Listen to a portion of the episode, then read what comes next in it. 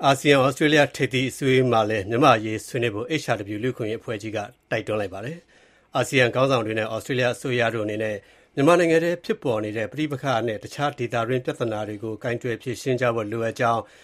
HRW လူ့အခွင့်အရေးစောင့်ကြည့်ရေးအဖွဲ့ကြီးက ပြောလိုက်တာပါ။ဩစတြေးလျဝန်ကြီးချုပ် Anthony Albanese က အာဆီယံ ၉ နိုင်ငံက ခေါင်းဆောင်တွေကို ဖိတ်ကြားပြီး လာမယ့် မတ်လ ၄ ရက်ကနေ ၆ ရက်နေ့အထိ အာဆီယံ-ဩစတြေးလျ အထူးထိပ်သီးဆွေးနွေးပွဲကို လက်ခံကျင်းပဖို့ ရှိနေချိန်မှာ HRW က ခုလို တောင်းဆိုထုတ်ပြန်လိုက်တာပါ။နိုင်ငံရေးအရ စစ်ကောင်စီကို ကိုယ်စားပြုတဲ့ ကိုယ်စားလှယ်ကို အာဆီယံရဲ့ အရေးပါတဲ့ ထိပ်သီးဆွေးနွေးပွဲမှာ ဖိတ်ကြားခြင်းမပြုဖို့ အာဆီယံက ဆုံးဖြတ်ထားတာနဲ့အညီ အခု ဩစတြေးလျနဲ့ ပြုလုပ်မယ့် အထူးထိပ်သီးဆွေးနွေးပွဲမှာလည်း အိမ်ရှင် ဩစတြေးလျနိုင်ငံက အာဆီယံ ၉ နိုင်ငံက ခေါင်းဆောင်တွေကို